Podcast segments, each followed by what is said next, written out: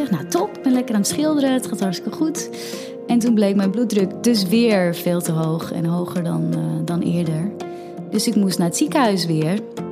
En ik belde Daan, mijn vriend. En we hadden natuurlijk al wat meegemaakt. Dus ik zei van, nou ja, wacht maar eventjes. En hij is toch gekomen, want ik denk dat hij wel een voorgevoel had. Mijn urine werd weer gecheckt en er zat heel veel eiwit in. Want ik had uh, ja, zwangerschapsvergiftiging dus. Welkom bij seizoen 6 van Potnataal. De podcast waarin je bekende en onbekende vrouwen open en eerlijk over hun bevalling hoort vertellen omdat het gewoon heel fijn is om te horen hoe andere vrouwen hun bevalling hebben ervaren. Misschien helpt dat je een beetje in de aanloop naar je bevalling of in de periode erna. Ik hoop in elk geval dat je je door Potnataal gesteund en verbonden voelt met alle geweldige vrouwen die je in deze podcast hoort. Iedere bevalling is uniek, maar sommige dingen zijn juist weer enorm herkenbaar, zoals je zult horen. Alle verhalen die je hier hoort zijn verteld vanuit de vrouw die het heeft meegemaakt. Het zijn dus haar herinneringen en ervaringen. En weet, er bestaat geen blauwdruk voor een perfecte bevalling. Maar dit staat vast: je bevalling kun je maar één keer meemaken en is van jou en niemand anders. Ik ben Simone Wijnands, moeder van een zoon en een dochter en ik maak potnataal. En dit is het verhaal van Sita. Mijn naam is Sita Vermeulen. Ik ben 41 jaar en ik ben trotse mama van Bobby. Bobby is uh, onze dochter en is geboren 28 augustus vorig jaar, 2020. Ik woon samen met Daan, de vader van Bobby, in Ilpendam. En ik ben zangeres en uh, ik heb gepresenteerd kinderprogramma's. En nu ben ik ook uh, musicalactrice in een familievoorstelling. Even een uh, gratis fun fact over mijzelf en Sita. Ruim 20 jaar geleden zat ik midden in de eindexamenweken op mijn middelbare school en was Sita te zien op tv in het programma Star Maker. Het programma wat zorgde voor haar grote doorbraak. Elke dag als ik klaar was met leren, keek ik ernaar. Het was de perfecte afleiding van mijn examens en gewoon heerlijk om te kijken naar al die leuke jonge mensen die een droom probeerden na te jagen. Sita was zeker mijn favoriet, want ja, wat was er eigenlijk niet leuk te vinden aan haar? Ze was vrolijk, spontaan, bescheiden, nuchter, kon prachtig zingen en zag er leuk uit. En we hadden grappig genoeg wel wat van elkaar weg in die tijd. Zelfde beetje alternatieve kledingstijl met baggy broeken, lang blond haar, klein, tenger, een beetje een rond kinderlijk gezicht het was zelfs zo dat ik regelmatig op straat werd nageroepen: Sita, Sita. Ik vond het wel komisch en nou, zeker ook een compliment. Dat we ruim twintig jaar later samen aan tafel zouden zitten om bevallingsverhalen uit te wisselen, nee, dat had ik toen niet kunnen bedenken. Maar toch is het zo. Een feest om haar te ontmoeten, deze vrouw die ik zo lang geleden al in mijn hart heb gesloten. Natuurlijk zijn we allebei ouder geworden, maar bij Sita is dat eigenlijk maar nauwelijks te zien. Ze is nog steeds die nuchtere spring in het veld, maar uiteraard, zoals dat gaat in het leven, inmiddels met de nodige bagage in haar rugzakje.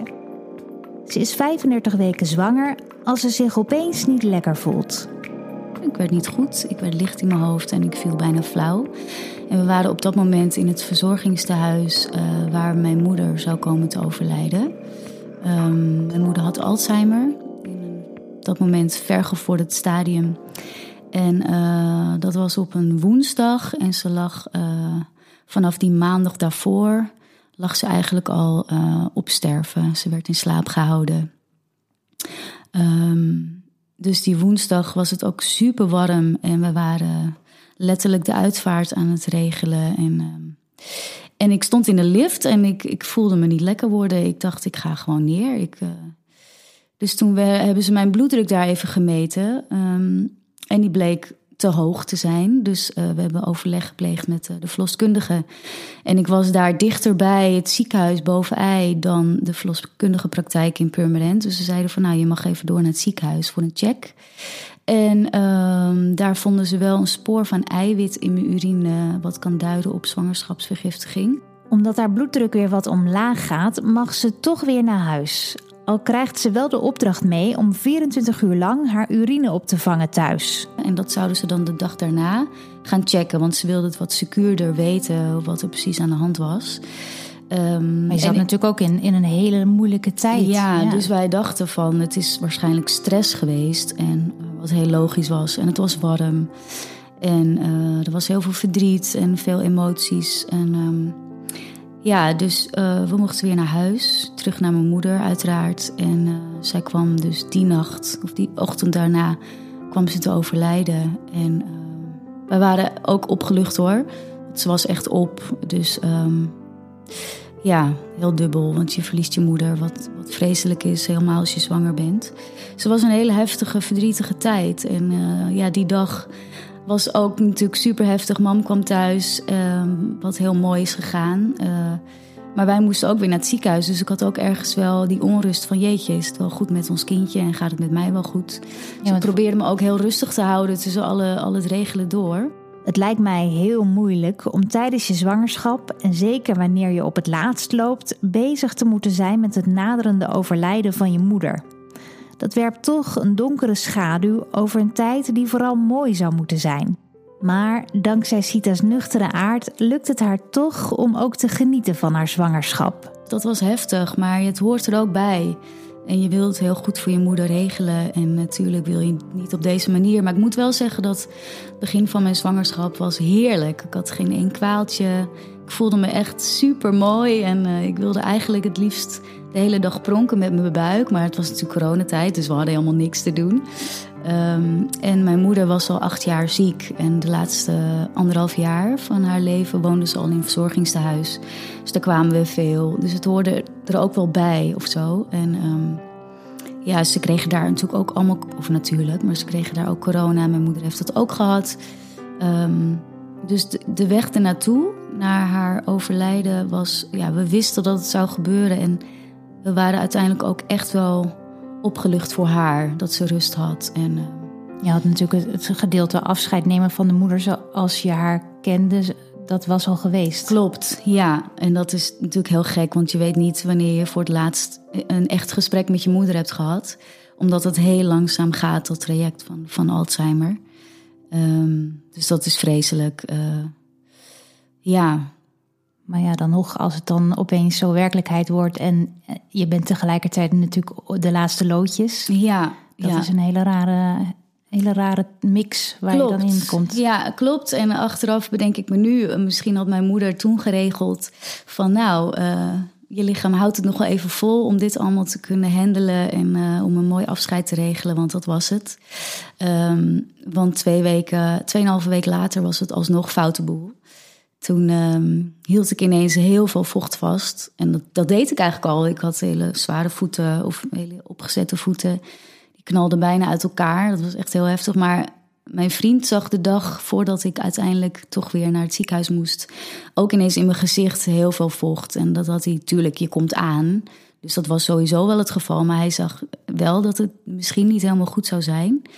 Uh, maar ik voelde me goed. Dus ik was die dag, en dat is dus nu, uh, dat was 2,5 week na de uitvaart van mijn moeder. Uh, wat heel mooi, kijken we heel mooi op terug. Dus ik voelde me eigenlijk ook opgelucht voor haar. Tuurlijk, je hebt verdriet. Maar het was ook goed zo. Dus ik was lekker in het huis bezig en aan het schilderen, letterlijk nog aan het behangen. En ik was, we hebben een heel mooi uh, houten blad in de badkamer, was ik nog aan het lakken. En ik moest nog even naar de verloskundige voor een check, want ik bleef wel, door mijn hoge, hoge bloeddruk, bleef ik onder controle. Dus ik moest om de drie dagen eventjes voor een check. De verloskundige vraagt aan haar hoe het met haar gaat. Ik zeg, nou top, ik ben lekker aan het schilderen, het gaat hartstikke goed. En toen bleek mijn bloeddruk dus weer veel te hoog en hoger dan, uh, dan eerder.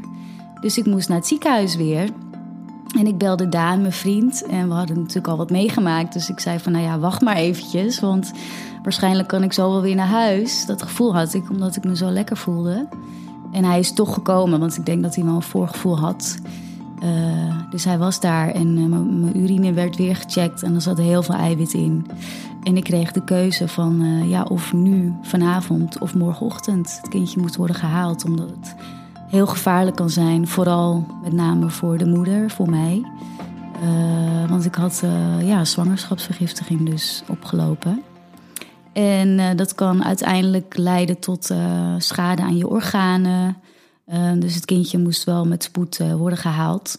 Maar ook wel gek, want je voelde je dus heel gek. Goed, ja, ik voelde me heel goed. Ik moest ook echt huilen. Ik dacht, ja, maar dat kan toch niet? En het is nog niet klaar thuis. Alles was in huis hoor, maar het bedje was nog niet waar. Het ledekantje was nog niet opgemaakt. En uh, ik moest nog opruimen. Er lagen nog allemaal kleren wat ik had gekregen over de tafel. En uh, ik was nog aan het behangen, dus ik moest heel erg wennen aan het idee. Dus ik had uh, ja, gezegd van, nou ja, dan liever morgenochtend want ik zou worden ingeleid. Um, dan kan ik nog wat slapen, had ik bedacht. Nou ja, dat was verkeerd gedacht, want van slapen kwam het natuurlijk niet. Hoewel er dus al wel voortekenen waren, komt de boodschap zwangerschapsvergiftiging toch als een donderslag bij heldere hemel. Sita hoopt dat als haar inleiding morgen begint, ze nog even wat tijd krijgt om te wennen aan het idee dat haar kindje er snel zou komen en dat ze misschien zelfs nog wat rust kan pakken.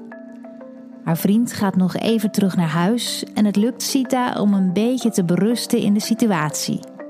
Het is goed dat we hier zijn en uh, dat we goed in de gaten worden gehouden. Er werd toen die avond al een ballonnetje geplaatst om uh, de baarmoedermond wat week te maken. En die viel er na een paar uur uit. Dus dat uh, kan betekenen dat je al ontsluiting hebt. En dat had ik. Ik had drie centimeter op dat moment. En toen ging ik de nacht in en toen was het zo van ja, het kan ineens gaan komen, de weeën, natuurlijk. Of als het niet gebeurt, dan word je de dag daarna ingeleid. Van slapen kwam het niet echt. Ik weet ook nog dat ik om een uur of vier ochtends dacht van... Ik voel het kindje niet. Ik was natuurlijk zo alert op alles. Van nou, met, met, want ik kreeg van het ballonnetje wel echt krampen. En toen zeiden ze daar van... nou ja, dit is wel wat een wee is ongeveer... maar dit is nog niks. Keer 50 of keer 100. Zo uh, moet je het een beetje gaan zien. Toen dacht ik, jeetje, wat heftig. Want ik vond dat gevoel al alsof je hele heftige menstruatiepijn hebt. Uh, maar dat, dat, dat zakte weer een beetje af. Dus ik was um, die nacht, ja, voelde ik me wel op zich wel oké. Okay. En had je ook wel een beetje een soort van zin erin gekregen van nu ga ik haar bijna ontmoeten? Of ja. was het toch nog wel echt een beetje wennen en misschien ook wel een beetje angst omdat je die zwangerschapsvergiftiging uh, had? Ja, nou, ik had geen angst. Ik was, ik was vrij nuchter en relaxed of zo. De dagen daarvoor had ik ook echt wel zin in de bevalling. Ik was gewoon heel benieuwd wat het zou gaan zijn. Uh, we hadden ook een zwangerschapscursus gedaan online. En uh, omdat ik graag wilde weten ja, wat er precies met mijn lichaam gebeurt.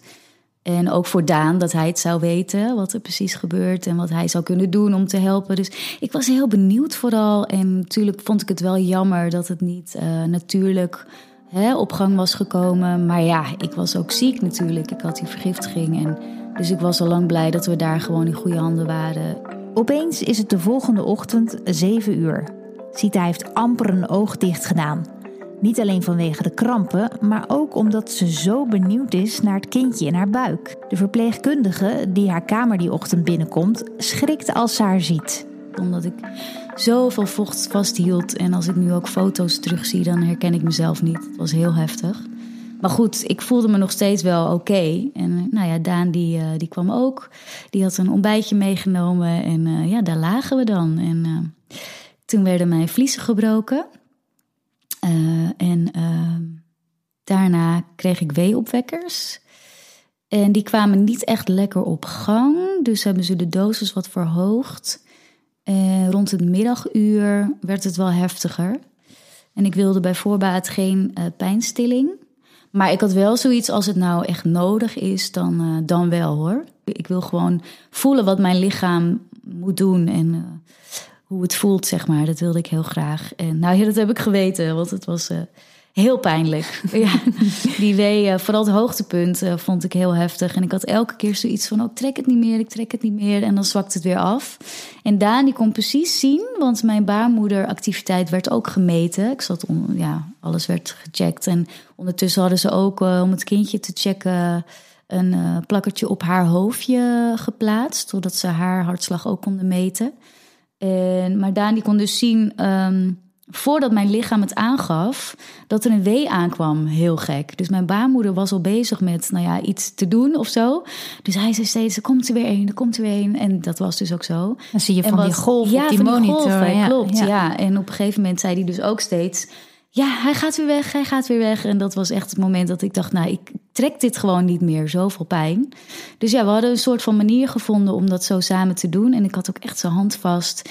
En hij was er op een gegeven moment, was hij er ook even niet. Dan was ik heel hysterisch aan het wapperen met mijn handen toen er een week kwam. Je moet komen, je moet komen. Dus we moesten dat wel echt samen doen en heel veel gepuft ook. Maar dat, ja, het lukte op een gegeven moment gewoon wel. We zaten wel in de flow. Ik weet ook nog dat ik een beetje suf was tussendoor. En dat ik mensen hoorde praten en ook tegen mij praten. Maar ik kon niet reageren. Ik was gewoon helemaal een soort van trance.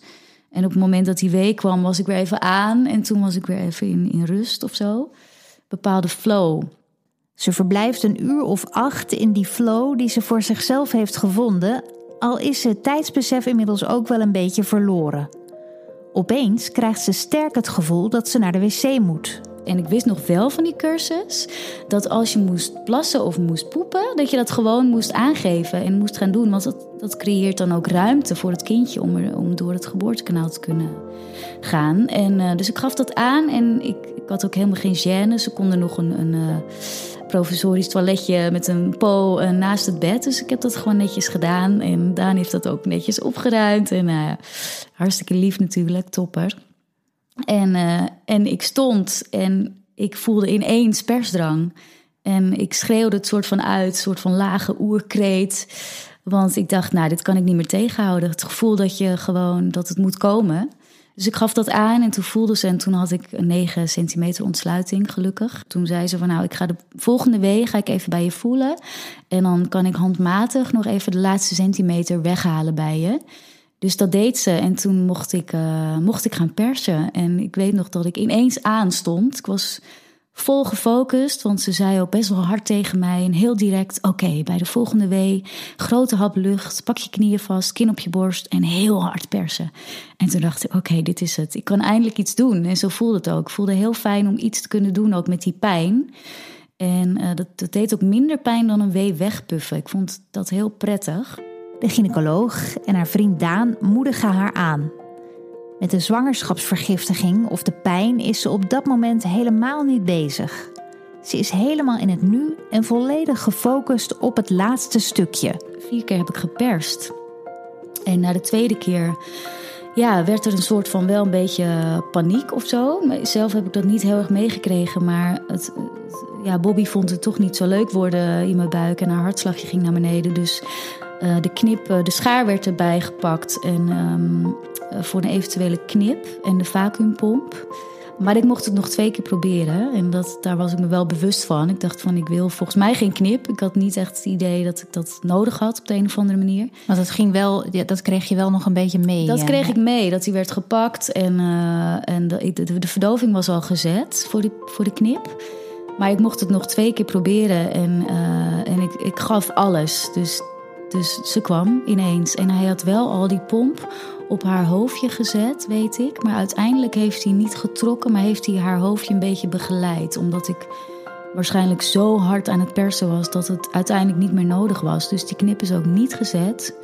En um, ja, die, die pomp was een beetje gebruikt om haar te begeleiden meer. Dat begreep ik eruit. En ineens voelde ik dat haar hoofdje er was. En, uh, en toen zei de zuster Kijk, kijk, kijk, bij de volgende wee moet je goed kijken. En er kwam de laatste wee en ik, ik perste en ik zag haar eruit komen en daar lag ze ineens. Het volgende moment ligt haar dochtertje op haar borst. Daan die was, die was alleen maar vol tranen en die was is zo trots en die wist niet wat hem overkwam. Want die zag mij, vertelde die later, als een soort van uh, powervrouw bezig. En uh, die, ja, die kon alleen maar huilen. En uh, die was heel erg onder de indruk van wat, er allemaal, van wat hij allemaal zag. en toen lag ze daar. En voor mijn gevoel lag ze, lag ze er maar vijf minuten. Maar ik heb eventjes de foto's erop nagekeken, want er staan tijden bij. Ik heb haar een half uurtje bij me gehad. En toen ontstond er toch wel paniek, een beetje. Dat kreeg ik niet echt meer mee, want ik was heel veel bloed verloren. Dus ik denk dat ik al een beetje suffig aan het worden was. Want wat het verhaal was, mijn placenta was gescheurd en ehm, ik bleef bloeden. Ik was heel veel bloed verloren. En uh, wat er normaal gebeurt als je, als je kindje er is, krijg je naweeën en dan komt je placenta komt mee. En dan sluit je baarmoeder, krimpt je baarmoeder. En dan is de wond, zeg maar, waar de placenta heeft vastgezeten aan je baarmoeder, is dan dicht. Maar bij mij bleef hij open en er zitten heel veel bloedvaten. Dus ik bleef gewoon bloeden. Mijn baarmoeder begreep niet van, hé, hey, het, het kindje is er. Het kan sluiten. Klaar, ja. We zijn klaar, ja. Dus dat was het geval. En, dat voelde je zelf dus ik helemaal voelde dat niet. Nee, wat ik wel voelde is... maar ik was heel erg bezig met mijn kindje... want ze was zo mooi en ze was zo roze als een biggetje... en ze deed het meteen goed en ze was super klein. Ik vond haar zo lief en zo mooi. Uh, en ze waren ondertussen wel op mijn buik aan het drukken en aan het overleggen. En ik moest ook nog een keer persen. En toen zei de gynaecoloog: nee, laat maar. Dat weet ik nog wel. En toen werd, en Daan had toen door dat er werd gebeld naar de OK, want ik moest worden geopereerd. Maar gek genoeg liet ik dat ook allemaal maar over me heen komen. Ik was ook niet in paniek, maar ik denk dat ik achteraf toch wel wat suffig was, want ik was in totaal 1,7 liter bloed verloren. En dat is helemaal voor mijn lichaam best wel veel. Ze geeft haar dochter aan haar vriend en wordt dan weggereden richting de OK. Ik weet ook nog dat ik zelf in een ander bed moest gaan, een beetje moest gaan verliggen. En toen viel er ook nog een plas bloed uit mij. Dat ik ook dacht van, nou, dit zal er ook wel bij horen of zo. Maar achteraf is dat natuurlijk helemaal niet goed. En uh, hebben ze operatief uh, mijn baarmoeder leeggehaald, placenta deeltjes eruit. Ja, want, hoe, want je had zelf dus eigenlijk helemaal niet zo het besef van wat er allemaal gaande nee, was. Je geen werd, idee. Uh... Nee, het was ook mijn eerste bevalling. Dus ik, ik, ja, ik, weet, ik had ook geen besef meer van pijn of zo. Ik, nee, ik kan, ik kan me dat niet meer herinneren. Ik was helemaal met, heel erg met haar was ik en met Daan. En dat overleggen, Daan had het wel meegekregen dat ze ineens wel heftig aan het overleggen waren. Ja, dat kreeg ik ook allemaal niet mee. Ze beseft maar half wat er gaande is. Ze wordt onder narcose gebracht om een kleine twee uur later wakker te worden gemaakt. En toen was ik super suf. Ik kon, ik kon helemaal niks. Ik kon niet eens mijn hoofd omhoog doen. Uh, uh, ik, ik, vroeg meteen waar zijn Daan en Bobby. Uh, die kwamen naar me toe. Maar ik kon niet, ik kon amper praten omdat ik zoveel bloed was verloren. En ehm, terug in de kamer uh, waar we mochten uitrusten, moest ik gaan proberen te plassen. Hè, uiteindelijk, dan zou je naar huis mogen. En ik kon niet eens zitten. Ik viel steeds, viel ik soort van bijna flauw. Ik was ook heel wit. En uh, ja, dat, dat vond ik wel heel heftig. Dat ik me, toen voelde ik me wel echt heel slecht. Ik was gewoon echt ziek. Ik had, ik had uh, ja, door, door dat vele bloedverlies was ik gewoon helemaal. Ik was ook nog heel heftig aan het trillen en ik kwam daar niet meer uit. Ik had het koud en um, Daan moest haar dan ook het eerste flesje geven. Uh, want dat kon ik niet. Ik heb nog een filmpje dat ik. Uh, vind ik heel heftig om nu terug te zien. Dat ik mijn hoofd zeg maar omhoog doe. Liggend om naar haar te kijken. Van gaat het goed met haar? En mijn hoofd valt weer echt letterlijk achterover. Want ik kon zelfs niet mijn hoofd omhoog houden. Dus dat vond ik wel heel heftig. Ik moest ook een katheter, want ik kon dus niet plassen. Ik kon niet overeind komen. Um, dus dat was ook, er was daar natuurlijk zoveel gebeurd onderin. En dan krijg je ook nog een slangetje door je plasbuis. Nou, dat deed ook pijn. Alles deed zeer. Toen kwam wel echt die heftige pijn hoor. Dat ik dacht, nou, volgens mij is dit is niet helemaal normaal. Ik had echt gewoon zo'n beursgevoel. Niet alleen helemaal onderin, maar ook in mijn hele buik. Ze hebben daar natuurlijk gevroed. Ze hebben dat losgetrokken. En, uh, Terwijl toch eigenlijk je bevalling aan zich best nog wel soepel is Klopt, verlopen. Ja. Zeker, ja. Maar daarna ging het dus helemaal mis. Ja, en ondertussen had je natuurlijk ook nog die zwangerschapsvergiftiging. Ja, klopt, ja. Alleen dat is met een, als je dan bevalt van, zo, dan van een kindje, dan is dat, dat is zeg maar het medicijn daartegen. Dus dan is dat klaar. Alleen de dag daarna had ik, hield ik nog heel veel vocht vast. Maar ik was in een week was ik 12 kilo afgevallen. En dat is heel veel vocht geweest, want het kindje was 24, 185 gram. Dus ze was heel, heel klein. En ja, als ik die foto's zie, dan vind ik dat heel heftig. Want ik, ja, ik herken mijn eigen lijf niet en mijn lichaam. En, en het voelde ook heel anders. Ik, mijn gezicht voelde niet als van mij. Mijn huid was zo opgezet. Sita laat me ook een foto van zichzelf zien uit die tijd. En het klopt wat ze zegt. Ze is haast onherkenbaar. Een gek idee dat dit is wat een zwangerschapsvergiftiging met een lichaam kan doen.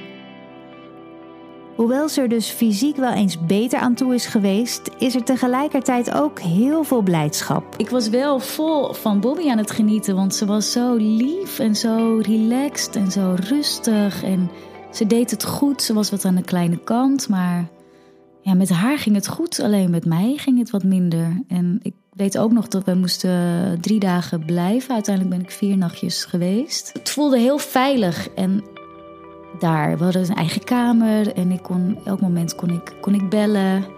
En ze werd, ook die avond werd ze aan mijn borst gelegd en ze begon een beetje te drinken. Uh, dat, dat, ging, dat ging allemaal wel, kwam wel een beetje op gang. Dus ja, wij zaten wel in een soort van bubbel. Maar ik, ik voelde me wel slecht hoor, ook tegelijkertijd. Ja. En ik had heel veel pijn en ik kon niet omhoog, ik kon alleen maar liggen.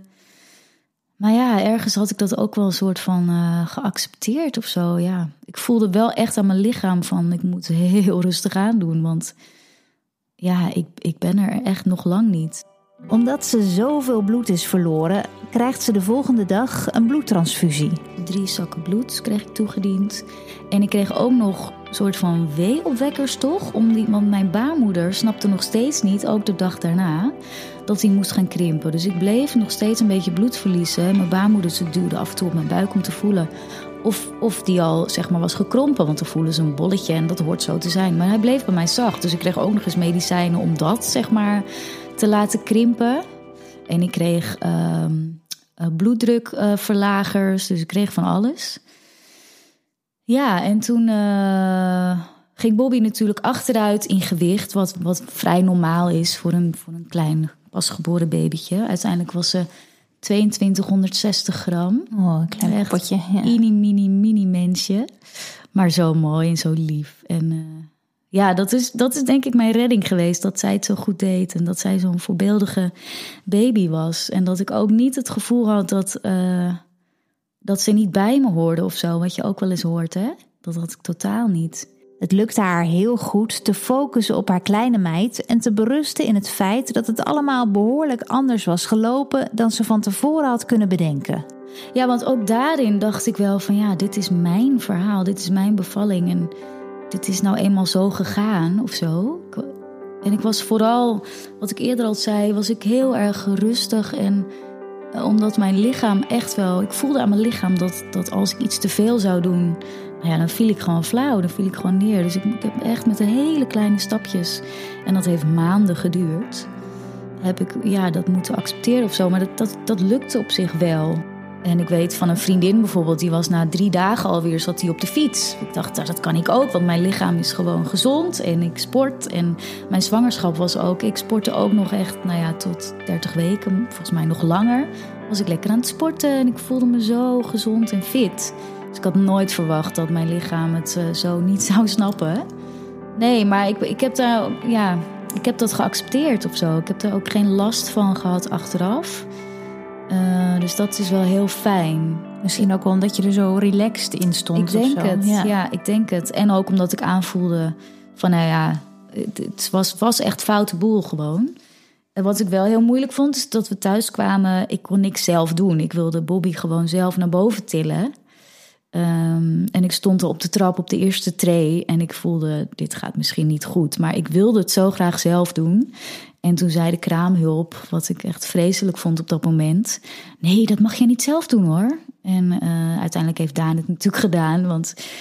Ja, weet je, ik moest ook alles zeggen, dat ligt daar, dat ligt daar. En ik ben heel erg van, ik wil het graag zelf doen. Ik wil het zelf het bedje opmaken. En ja, dat moest ik uit handen geven. En dat vond ik denk ik het moeilijkste wel. Een paar keer per dag de trap op en af lopen voelt als een marathon en meer zit er op een dag ook echt niet in.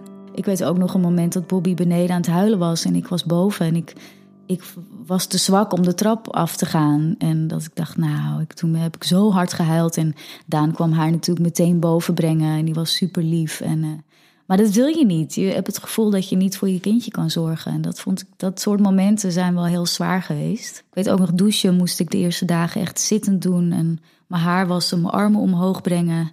Was zo, zo zwaar. Ik dacht, nou jeetje, dit komt nooit meer goed, dacht ik. Ik heb ook nog gevraagd, ja, wanneer mag ik dan gaan wandelen voor het eerst? Want ik zag, het was ook mooi weer. Ik wilde graag naar buiten. En toen zeiden ze van ja, je moet eerst maar eventjes een stukje door de steeg en uh, in je tuin, het rondje om het huis. Ik dacht, jeetje, hoe lang gaat het duren? En toen zeiden ze, ja, ga maar uit van drie maanden. Dat vond ik al heel lang. Nou, uiteindelijk waren het denk ik tien maanden voordat ik me echt weer beter voelde. Maar ook dat, weet je, het was ook, ook coronatijd, dus er was ook niks. Ik had geen werk, ik had geen uh, afleiding. Ik was heel erg lekker met haar en met Daan, die elke dag biefstukjes voor me aan het bakken was. en uh, ja, ik heb ook echt aangevoeld van het wordt heel langzaam gewoon ietsje beter. Elke dag een klein stapje beter. Borstvoeding heb ik ook moeten loslaten. Ik heb drie weken gekolfd om de drie uur dag en nacht. Maar ja, mijn lichaam was te zwak en die, mijn lichaam was bezig om mij beter te maken. En, uh, Als je dan ook nog de energie voor die borstvoeding moet uh, ja, vragen. Ja. ja, dat lukte gewoon uiteindelijk niet. Wat ik heel moeilijk vond, maar ook dat heb ik uiteindelijk een plekje kunnen geven. En uh, ik heb er alles aan gedaan hoor. Er was nog een lactatiekundige gekomen. En mijn borsten waren op een gegeven moment beton. Dus ik had ook nog ontstekingen. En mijn tepels die lagen open. En het ging gewoon echt niet. En ik wilde haar het allerbeste geven. Maar ja, ook omdat zij het zo goed deed, dacht ik van ja, weet je, ik ben een betere moeder als ik gewoon eerst voor mezelf kan zorgen. En als ik zelf ietsje beter ben, dan. Uh, dat is ook zo. Maar ja. dat is voor heel veel vrouwen wel heel moeilijk om, die, om dat uh, ja. te beseffen. En, of tenminste, je weet het verstandelijk wel, maar om dat dan ook te voelen, zeg maar. Klopt, ja. Ik kon het heel goed, kon ik het, kon ik het vertellen van nou, dit is echt beter. Maar het voelde gewoon niet oké. Okay. En op het moment dat ik wel de knoop had doorgehakt, dacht ik van nou, hé, ik kan even wat langer slapen. Dat is misschien ook wel goed hè, voor mij. En toen ging het ook een stuk beter. En Bobby deed het hartstikke goed op de fles. Dus, uh, dus dat was de beste beslissing eigenlijk ooit. Hoewel het herstel dus langzaam gaat, iets wat lastig is voor de altijd zo fitte en vitale Sita. Maar ze hoeft maar een blik te werpen naast haar om dat vervelende gevoel van zich af te schudden. Ik weet nog dat ze in haar wiegje lag naast het bed en het was een beetje schemerig. En ze keek me aan en ik zie door die, die lichtjes in haar ogen en ik moest zo huilen. Ik dacht, daar ben je dan. Ik ben jouw mama, jij bent mijn dochter. Ja, heel, heel bijzonder. Ze was heel relaxed en lief en dat is ze nog steeds. Dus dat was denk ik gewoon ook onze redding of zo. En ze sliep ook goed. En natuurlijk hebben we ook de maanden gehad dat ze tandjes kreeg en dat het heel heftig was in de nacht. En soms is dat nog steeds wel. Maar ja, we zijn ook niks gewend omdat ze het zo goed doet. Dat we nu af en toe uh, zijn we helemaal kapot als het twee of drie keer huilt in de nacht. Dus we mogen echt niet klagen. Zij heeft wel rekening met je herstel gehouden. Ja, dat, zo lijkt het wel of zo, ja. ja. Want je zei het duurde toch wel een maand of nou, tien bijna ja, voordat je weer een zeker. beetje de oude was. Zeg ja, maar. ze zeggen wel eens negen maanden op, negen maanden af. En dat was voor mij echt wel van toepassing. Ik weet nog dat ik na een paar maanden dacht, ik ga weer naar yoga. Dat zou toch gewoon moeten kunnen, hè? En toen zag ik sterretjes, dat ging nog niet. Nee, en lange stukken lopen. Ik weet nog dat ik de eerste wandeling was naar mijn moeder, naar het graf. Vond ik wel mooi om te, om te doen. Dat was pas na drieënhalve week. Kon ik naar buiten, kon ik wat langer lopen. En dat was echt, nou ja, een stukje van niks. En op de terugweg voelde het echt zo zwaar. Alsof ik 10 kilometer had uh, hard gelopen, zo voelde het. Dus ja, mijn lichaam gaf aan van doe rustig aan. En daar heb ik echt naar geluisterd. En ik was op dat moment, vond ik, vond ik het jammer hoor, dat het zo ging. Maar ja. Het is wat het is en dat is helemaal oké. Zo staat ze erin. Inmiddels is dat piepkleine meisje niet meer zo inimini. Ze is uh, 14 maanden. En, uh, en ze loopt al bijna. Ja, ze zet echt stapjes tegen de bank. En ze staat soms los en dat heeft ze dan niet door. En uh, nee, ja, ze is heel vrolijk en uh, ze gilt het uit van pret. Heel hard en heel hoog. nee, het is echt een heel lief, tevreden, blij meisje. Wel ja. iets zwaarder geworden in de tussentijd ja, waarschijnlijk. absoluut. ik heb nu af en toe dat ik mijn rug voel. Dus ik denk, oh... Ja, nee, het gaat hartstikke goed. Ja, we zijn heel blij en we zijn, uh, ja, ja, we zijn echt een gelukkig gezinnetje. We gaan er ook samen goed op, zeg maar, op haar. Ze, is, ze hoort echt bij ons. Ze doet het goed. Dus ze gaat één dag in de week naar het kinderdagverblijf. Ze is ook lekker aan het spelen met andere kindjes. Dat was ook hè, geen probleem. Dan heb je van die wendagen. En ik vond het ook wel, ik vond het wel lastig hoor. Ik vond het voelde heel uh, kaal of zo om haar dan weg te brengen. Ja, want je had natuurlijk een langere tijd, denk ik, met haar alleen. Ja. Omdat je natuurlijk niet kon werken door corona. Nee, klopt. Haar hele eerste jaar heb ik vol uh, mee mogen maken. Ja, dat, dat is wel een cadeautje hoor, toch Ja. ook wel. Je hoort het verhaal van Sita. Ik hoop dat je dit een mooie aflevering vond. Zo ja, laat dat dan weten in de reviews op iTunes en kom me lekker volgen op Instagram. Dat kan op twee manieren, via @podnataal of via mijn eh, persoonlijke account @simonewijnands. En vertel natuurlijk al je zwangere vriendinnen en buurvrouwen en collega's, nichtjes en zusjes over deze podcast. En neem ook eens een kijkje op vriendvandeshow.nl slash podnataal. Daar kun je deze podcast een financieel steuntje in de rug geven. En daar vind je nog wat eh, exclusieve tips van de moeders die je in deze podcast hoort. Dankjewel voor het luisteren en tot de volgende.